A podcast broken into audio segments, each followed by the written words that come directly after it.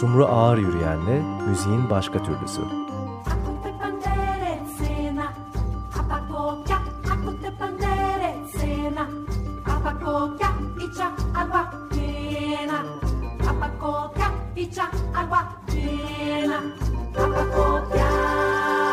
Herkese merhaba. Açık Radyo'dasınız ve Açık Dergi programının içerisinde müziğin başka türlüsündeyiz. Evet bu akşam özel bir mülakat paylaşacağız sizlerle. Geçtiğimiz hafta İstanbul'da bir konser vermek üzere bulunan Lübnan asıllı Udi Rabih Abu Halil ile bir mülakat bu. Evet Sumru Harcüyen'le beraber gerçekleştirdik Açık Radyo stüdyolarında. Birazdan Rabih Abu Halil'in müziğiyle dinleyerek başlayacağımız e, bu akşamki bölümde Rabih Halil'in e, epey keyifli sohbetini sizlerle e, paylaşacak olmaktan dolayı epey heyecanlıyız aslında bakarsanız. Evet ama şimdi buna geçmeden ufak bir not düşmek istiyorum. Bildiğiniz gibi müziğin başka türlüsü e, Açık Radyo'da yıllardır Sumru Harcüyen'le ortaklaşa sürdürdüğümüz program esasında iki haftada bir Perşembe akşamları 7 ile 8 arasında yayındaydı başladığından e, beri. Bu yayın dönemi itibariyle bir süreliğine gününü ve saatini değiştirmiş bulunuyoruz. E, Salı akşamları bundan böyle 6.30 ile 7.30 arası üstelik 4 haftada bir bizlerle beraber e, olacak. Ama süresinde tabii ki bir kısıtlama yok. Uzun uzun müzik sohbetleri Sumru ile beraber Açık Radyo'da Açık Dergi'de yine sizlerle beraber sadece ufak değişikliklerle evet daha fazla uzatmayalım ve Üstad Rabbi Abu Halil ile e, gerçekleştirdiğimiz mülakata geçelim. Ama önce biraz da onun müziği tabii ki Arabian Vals'le başlıyoruz. Herkese merhabalar. Merhabalar. E, müziğin başka türlüsünde bu akşam e, çok değerli bir başka konuğumuz var. Rabbi Abu Halil dünyaca ünlü Udi. Welcome Rabi. How are you? Thank you. I'm fine. evet Rabi'ye hoş geldin diyoruz. Stüdyoda Tekfen Flamen Orkestrası'yla geçtiğimiz haftaki konserden hemen önce buluşmuştuk kendisiyle stüdyoda. Evet, böyle bir şansa eriştik. Bir hafta önceydi. Şimdi nihayet onunla yaptığımız söyleşiyi sunuyoruz. Sumu'nun sorusu Müziğinizi çok dinledim diye başlıyor Sumru. Önce bunu söylemeliyim ama e, şimdi sizinle daha önce yapılmış söyleşilerden biraz kopya çekerek başka bir şey sormak istiyorum. Müziğiniz dışında bir şey. Burada olmakla ilgili duygunuz hakkında bir soru bu. İstanbul müziği diye bir şey var mı sizce diye soruyor Sumru. Ve Rabia bu halde geçiyoruz. Kesinlikle diye yanıtlıyorum. Buna cevap vermek her zaman zor tabii ki. Bir müzisyen ve besteci olarak bana sıkça stilimin ne olduğu sorulur. Bunu da okumuşsunuz illaki ama ben her zaman şunu söylerim. Ben geleneksel biri değilim. Hatta şunu da söyleyeceğim, gelenek diye bir şey de yoktur. Bugün gelenek denen her neyse bir zamanlar devrimci olan da o. Sanat için konuşuyorsak, geleneğe takılıp kalınırsa herkesten aynı ses çıkar ve bir geleceğimiz olamaz. Sanat genel manada bakacak olursak duygusal bir ifadedir. Tabi çöldeki bedevi için durum farklı duyduğu tek bir şey var ama ben bir müzisyenim ve klasik müzikle Arap müziği eğitimi aldım. Ve olabildiğince çok çeşitli müzik, sanat ve şiir biçimi duyumsamaya çalışıyorum. Zenginleştirici olan da bu zaten. Kendinizi sentetik metotlara başvurmadan bir yerden bir yere götürebilmenizin tek yolu da bu zenginlikten geçiyor.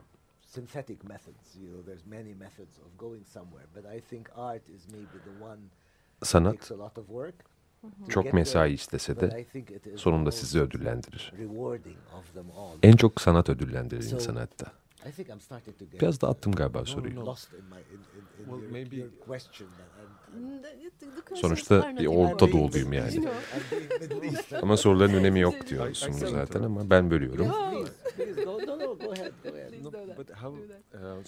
Böleyim o zaman akışınızı. Metodunuz, metodum sentetik değil dediniz. Nasıl adlandırıyorsunuz metodunuzu? İki büyük gelenekten beslendiniz. Söylediğiniz gibi.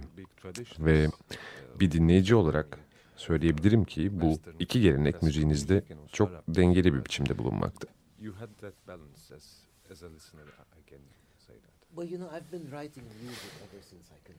Kendimi bildiğim dili müzik yazıyorum diyor Rabih Abu Ali. 5-6 yaşında oturup da yazdığım parçalarım hala bende bir yerlerde duruyorlar kağıtta. Ne yapayım diye etrafa bakındığım ve denemelerde bulunduğum zamanlarda onlar.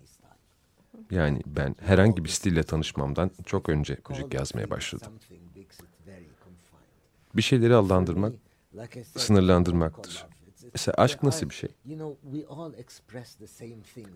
Aslında hepimiz aynı şeyleri ifade ediyoruz. Japon müziğini alın onu dinleyin. Aşk anlatıyorsun mesela. Şaşırırsınız. Benim aşk anladığım bu değil dersiniz.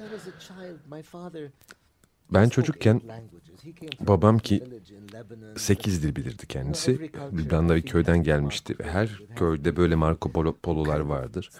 Elindekiyle yetinemez hep başka yerlere bakar. Babam bir şairdi ve dilleri çok sevmişti. Hepsini de kendi başına öğrenmişti. Onun kısa dalgalı bir radyosu vardı. Çocukken oturur dinlerdim. Çin müziği, Japon müziği vesaire. 60'lar yani. Halen hatırlıyorum o zamanki duygumu. Bir Çinlinin, bir Japon'un hissettiklerini hissedebilmek ne harika olurdu diye düşünürdüm. Ne kadar zengin olurduk düşünsenize. Çünkü aslında aynı şeyi hissediyoruz. Çünkü insanız. Ama müzik suni bir şey. Türk müziği Japon müziğinden çok farklı, Afrika müziğinden çok farklı hepiniz biliyorsunuz. Herkes kendi müziğini icat eder ve ara sıra da bu müzikte değişiklikler yapar. Klasik müzikte de böyle. Ba Stravinsky dinleseydi berbat derdi. Yani biz kendi müziğimizi yaparız. Canlıdır müzik. Yani geleneklerden bahsetmek çok can sıkıcı ve ben hiç de o şekilde düşünmek istemiyorum. Evet, benim kendi ağzım, kendi şivem, kendi kelimelerim ve kendi enstrümanım var. Ama bazen elime Japonca tınlayan bir müzik gelirse gelsin. Bana ne nasıl duyulduğundan tabii ki kendimi durdurmayacağım. Böyle ifade ediyorum demek o anda kendimi. Yani benim kültürüm bu değil deyip de bir yana bırakamam elimdekini. İşte bu yüzden İstanbul mesela, şimdi bu kelimeyi kullanacağım ama gelenek açısından çok zengin. Ben Osmanlı yazısını okuyabiliyorum ve etrafa baktıkça görüyorum ki çok zenginsiniz. Tüm o tarih. Yani Osmanlı Türklerden ibaret değil. Her şey her yerde.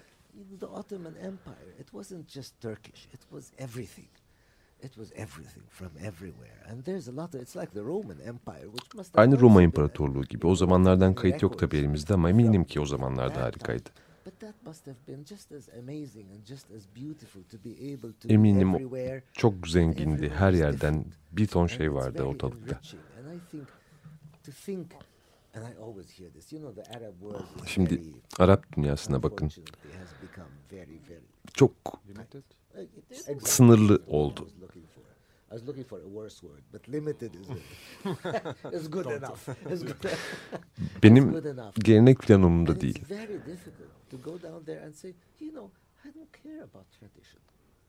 Önemli olan ifade ve duygulardır. Bir şeyi dışarı çıkarmak yani mesele yani benim mesele. Eğer beni dinlemek istiyorsanız buyurun.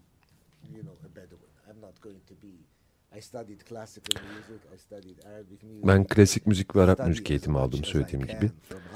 Ve elimden geldiğince de başka müzikler dinledim. Yani bilemem beni neyin etkileyeceğini. Güzel bir yemek etkiler beni. Güzel bir resim de olur. Gelenek diye tutturup bu etkilere kaparsam kendimi olmaz. İstemem de zaten. Bir, bir besteci olarak fakirleşirim sınırlanırım. Oysa ki iki saat hatta iki dakika sonra ne hissedeceğini nasıl bilebilirsin ki? Um, evet Sumru Ağır bir soru daha soruyor. speak about um, Sanırım şu anda küreselleşme hakkında konuşuyor gibiyiz. Globalization makes everything uh, like a mixture. Ve küreselleşme her şeyi karıştırıyor gibi sanki birbirine. Ne düşünüyorsunuz bu konuda? Rabia Abu Halil economic cevap veriyor. Yeah. It's not a culture. Küreselleşme ile ilgili şöyle bir sorun var. Söz konusu olan ekonomik bir terim, kültürle ilgili değil. Bilakis küreselleşme kültürü duraksatmış vaziyette. Küreselleşmeden anladığımız Afganistan'da Zara, Kabul'de Cartier'den alışveriş yapmak mesela. Ama küreselleşmiş olmadık ki böyle. McDonald's ve. Starbucks üstümüze basıp geçiyor.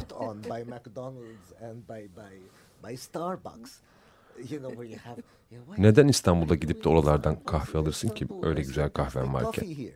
Coffee here. You know why go back a step instead of going forward? a İleri step? bakacağına neden geri adım This is the atıyorsun? problem with Aslına bakarsanız globalization, you know, for me, I don't Bu konu benim için öyle de büyük is bir konu- tartışma konusu değil. Ben kendi tercihlerime göre hareket ediyorum. I pick what I want. I don't I don't go and say Like tea in a glass. İnce belli bardakta çay içmeyi istemek gibi mi diye soruyor Sumru. Evet diyor.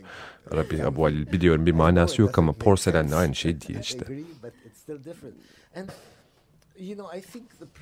Sanırım when we talk about küreselleşmeden konuştuğumuzda esas kastettiğimiz Amerikanlaşma. Emperor. Bakın neler olup bittiğine. Ülkesini bir şirket gibi yönetmek isteyen bir adam yönetmek istiyor memleketi. Ama memleket bir şirket değildir ki. Halk da şirket çalışanlarından ibaret değildir. Want- I don't care who it is, but I don't want to Kim yönetirse yönetsin memleketi ben bir müzisyen olarak daha fazlasını isterim. Bu arada ben bir toplumda sanatçı olarak anılmaktan ziyade bir dinleyici olarak anılmayı da tercih ederim. Onu da söyleyeyim. Sanatı sanat yapan sadece sanatçı değildir çünkü dinleyicisidir de. Sanatçıdan daha sanatçı olan dinleyiciler biliyorum. Ve dinlemede de bir sanat var yani. Hissetmede de bir sanat var. Oh. Dinleyerek başlar her şey diyor with Sumru seeing. Güven. Even food is a- Dinleyerek, görerek, tadarak diyor Rabih Abu Halil. Her duyumuz için ayrı bir sanat var. Ve eğer gerçekten iyi duymak istiyorsak iyi yemeyi de bilmeliyiz.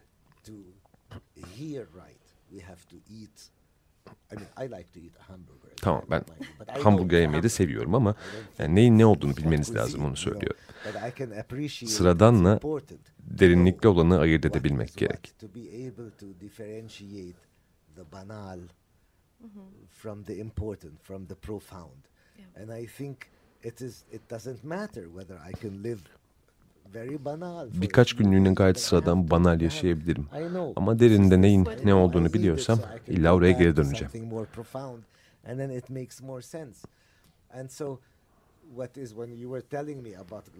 Şimdi siz küreselleşme deyince, eşitlenmeden bahsedince Nasıl söylesem?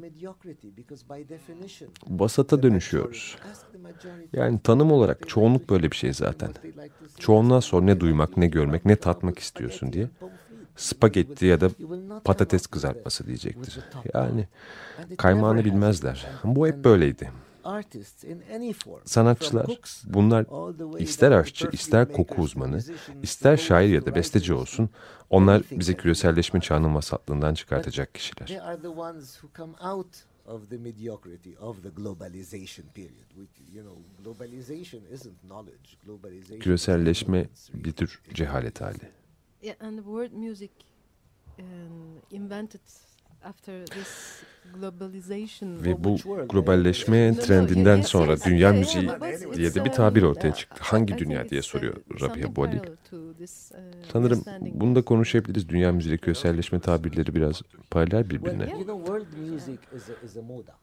Dünya müziği bir moda diyor Rabia jazz. Caz ya da barok gibi bir stil değil. Very good point. Yes, It's, it's yes. not. a- there's a difference between an expressive form İfadeye bağlı biçimlerle hareket arasında bir fark vardır. Önce hareket başlar. Her şey bir hareket olarak başlar. Sonra o hareketin stili oturur. Kelimenin icadından önce dünya müziği dedikleri alanda müzik üretiyordum ben. Ama Dünya Müziği Festivali denen şeylere neredeyse hiç çıkmadım. çok nadirdir yani. Çünkü beni bir dünya müziği sanatçısı olarak görmüyorlar. Ah, türbanı yok. E, o zaman rap müziği yapmıyordur diyorlar muhtemelen. Yani gerçekle ilişkisi yok bu dünya müziği tabirinin. Mesela ben bir manada şanslıyım çünkü caz müzisyenleri de çalıştım ama caz müzisyeni oldukları için değil, açık fikirli olduklarından ötürü. Denk gelebildik. Şimdi grubumda Portekizli bir şarkıcı, Amerikalı bir perküsyoncu, İtalyan bir akordeonist var ve Kutsiyer Güner'le daha yeni kayıttan çıktık. Sevdiğim de böyle bir şey zaten, keyif aldığım da böyle bir şey. Bana en çok dokunan, beni en çok etkileyen şey de şöyle ifade edilebilir belki. Kendi kültürlerini anlayan o insanların o kültürü taşırlarken benim müziğimde de yer bulabilmeleri ve kendilerini benim müziğimde ifade ederken de oraya sıkışmayıp, müziğime sıkışmayıp yapıyor oldukları şeye zarar vermemeleri. Grubumdaki insanların çoğu çok derin bir bilgiye sahipler müzikleri, gelenekleri hakkında. O Portekizli'den daha Portekizli olamazsınız mesela. O İtalyan, inanın bana gerçekten İtalyan. Şimdi şunu söylemek de gerek. Kendi kültürün bilgin dahilinde ne yaptığından eminsen, olduğun şeyi aşman çok daha kolay. En herhangi bir endişen yok çünkü nereye bakacağın, ne yapacağın konusunda. Ve aşkınlığa daha yakın olursun. Bence enstrümancılar enstrümanlarını aşmalılar. Aldığım en güzel iltifat bir ud solom içinde. Burada ben çalarken udumu hiç düşünmem onu da söyleyeyim. Çünkü o benim parçam. Nasıl ki kolumla ayrı bir ilişkim yok, onunla da yok. Neyse, en hoşuma giden iltifat, bir keresinde birisi bir ud solomu dinlerken udu değil de melodiyi duyuyorum demişti.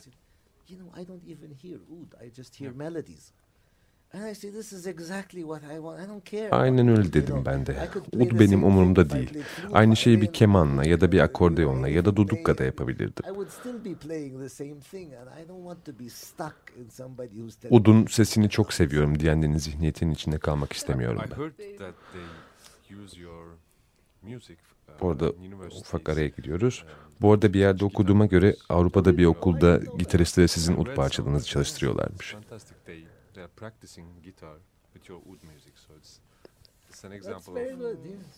Harika diye cevap veriyor. Jared Kagwin mesela grup arkadaşım.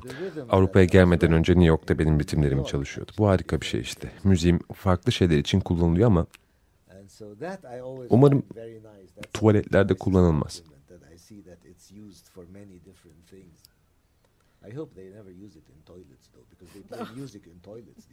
Neden yapıyorlar sahiden bunu? Bu nasıl bir saygısızlık sanata karşı? Everywhere there is music is...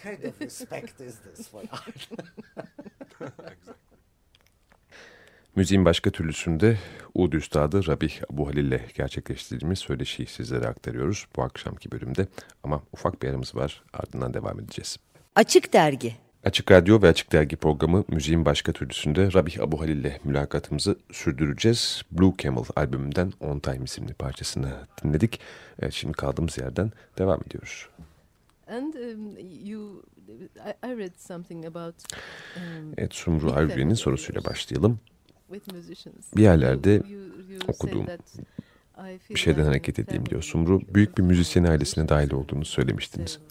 Yani müzisyenlerimle kendimi ailemde hissediyorum demiştiniz. Biraz müzisyenlerle olan ilişkinizden de biraz daha fazla bahseder misiniz? Çok nadir bir durum içerisindeyim diyor Rabih bu Halil. Bir grup müzisyenin bir yıldan fazla bir arada olması hakikaten nadirattan. Ben 15 yıldır grubumdayım. Evet, gelip gidenler oldu ama grup aynı. Gayet iyi durumdayız. Bunun sebebi bence grubumda herkesin kendine yer bulabilmesi.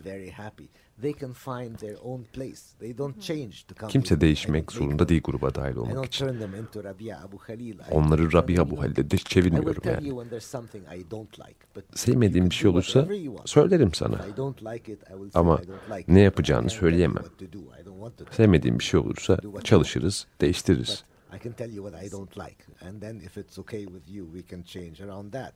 So I think this is something that maybe keeps the music evolving. Müziği geliştiren de bu You oluyor. know, people tell me sometimes, you know, Bazen insanlar gelip şey diyor. Aa ne Portuguese." ilginç. Grubumuzda Portekizli var. Gidip de bir Portekizli ya da bir İtalyan aramıyorum ama. Sadece duyuyorum. Bambaşka kültürden biriyle tanışıyorsun mesela. bakıyorsun, duyuyorsun. Think, I think I can get along with him. Even Sanırım uyuşabilirim onunla diye that has düşünüyorsun. nothing to do with the practical Bu part benim müziğimin see müzisyenlere de bağlı and olmasıyla ilgili.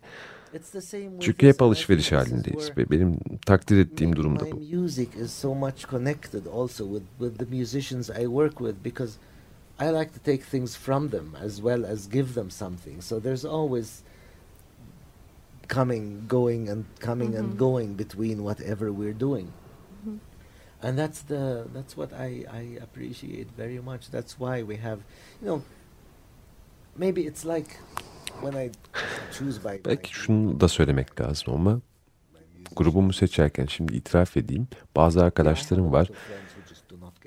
Birbirleriyle o kadar da iyi geçinemezler. Grubu seçerken bunu da gözetiyorum. Anlaşabileceklerini bildiğimde oluyor. Yani belli bazı arkadaşları bir araya getiriyorum. dinner, I choose O zaman certain friends. I have yeni bir şey, farklı friends, bir şey olabiliyor. along together, the other group go along together, and in a way that we can actually come up and make something new, something different. And what's your up to recently? Peki diye soruyoruz Rabia böyle. Şu son zamanlarda nelerin peşindesiniz? Yani CD'niz yayınlanacak. four Evet, daha yeni kayıttan çıktık. Ama uzun süredir Çok da uh, kayıt yapmıyorum söylemeliyim. Yani kayıt denen şey eskisi gibi değil artık. Kitap yazmak gibi. Eskiden önemliydi. Şimdi daha çok besteliyorum. Çünkü yani bir albüm yapmak, CD çıkarmak zaten çok fazla mesai istiyor. Ve artık eskisi gibi kıymet de verilmiyor. İt did before. So, of course I don't stop writing, Tabii and yazmayı bırakmıyorum. but, you know, Lakin piyasada artık CD yok ki. hardly any CDs in the market. Part of making a CD for me is CD yapmak mesela benim için kapağını da tasarlamam. Ama insanlar artık kapağıyla da bir CD ile ilgilenmiyorlar. Ki bence çok da büyük bir sorun değil.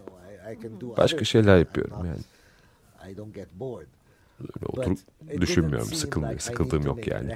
Ama artık her sene CD çıkaracak durumda değilim. Zaten yüzlercesini geride bıraktım. Evde de çok kayıtlar var ama ortaya çıkarmıyorum hiçbirini.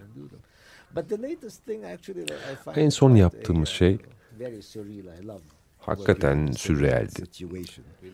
Epey. Uh, Portekiz'den bir teklifti bu. çok sevdim. Çok bilinen bir ulusal şiiri Portekiz'in uzun. 10 and the sayfalık. Çalıştığım bir şarkıcı o şiiri okumak istedi. Hayaliymiş. Ümmü Gülsüm'ü bilirsiniz. Çok severmiş onu ve benzer bir şey yapmak istediğini söyledi. Yani aynı same değil ama bir akşam boyu sürecek bir şarkı yazmamı istedi. Tek şarkı, bir buçuk saat orkestrayla. İşte bunu bitirdik. Şimdi döndüm. Bambaşka bir şey çıktı ortaya, yani. Ben çok seviyorum böyle şeyleri çünkü çok değişti dünya. Orada Portekiz'de garip de bir tartışma oldu onu da aktarayım. Bu şiiri bir Portekizli müzikleştirmeyi de Lübnanlı değil dediler. I said Portuguese, Lebanese, you know it rhymes. Yeah. At least. Ben dedim ki neden But, Libaniz uh, kafiyeli işte yani en azından. same, you know, Yeah. Climate. But the singer he said no no no either I do it with Şarkıcı benim don't." tarafımı tuttu. O olmazsa I know yapmam dedi. more a discussion than they told me and I understand that. Biraz daha büyüktü tabii tartışma biliyorum ama anladım I yani ne olduğunu. Olsun çok seviniyorum yaptığımız için. managed to do it and, uh, so I finished it. And you recorded it. No, we're Kaydettiniz mi diye soruyoruz. Hayır ama şimdi provalar var bakalım Lizbon'a gidip çalacağız.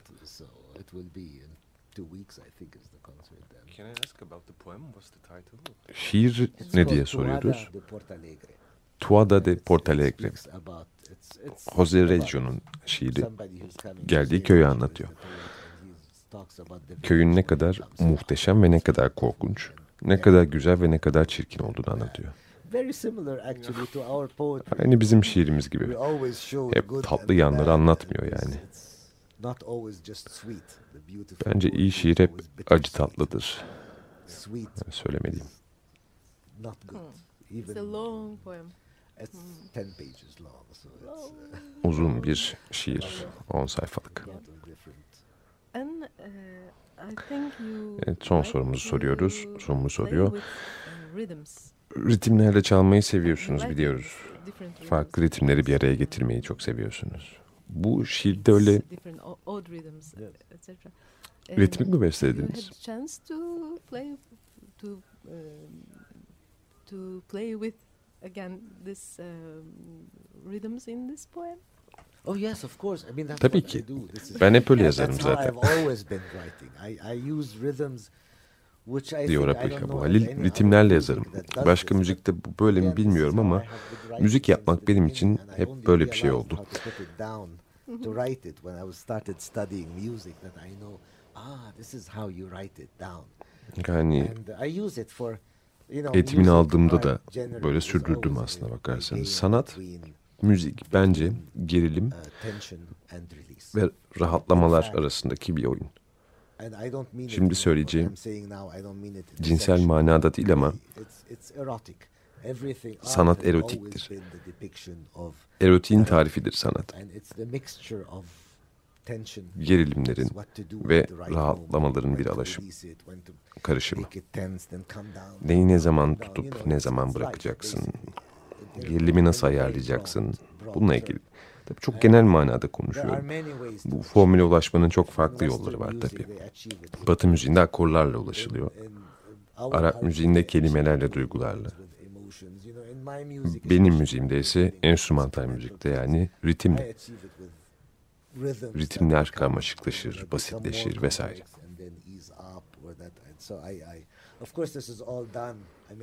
Tabii yani burada bunların hepsi ardıl düşünceler. Müziğime sonradan bakıp da gördüklerim. Yani müziği ya- yazarken düşünmüyorsun şöyle yazarsam ne kadar da parlak olur diye. Açıklarken çıkıyor. Mesela çalacağınız müzisyenleri anlatırken müziğinizi anlıyorsunuz. Yani müziğimi ancak yazdıktan sonra anlayabiliyorum ben.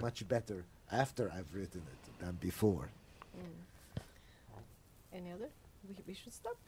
Sanırım durmamız gerekiyor. Çünkü süremizin sonuna geliyoruz. Biraz da müzik dinleyeceğiz. Çok teşekkür ediyoruz. Rabia again. Lütfen gelin. Yine ince belli bardakta bir çay içeriz diyor Sumru. um, glass of tea. Yes, we have for a glass of tea. Evet. I'll come from anywhere. Dünyanın neresinde olursam olsun o çayı içmeye gelirim diye söylüyor Rabih Abu Halil. Evet müziğin başka türlüsünde Lübnanlı Udi Rabih Abu Halil ile geçtiğimiz hafta gerçekleştirdiğimiz söyleşinin kaydını bu akşam sizlerle paylaştık. Şimdi onun bir parçasıyla sonlandıralım. İstiyoruz Bukra albümüne gideceğiz. E, Sonny Fortune'da saksafonlarda bulunacak. Bu parçada Naila'yı dinleyerek kapatıyoruz bu bölümü.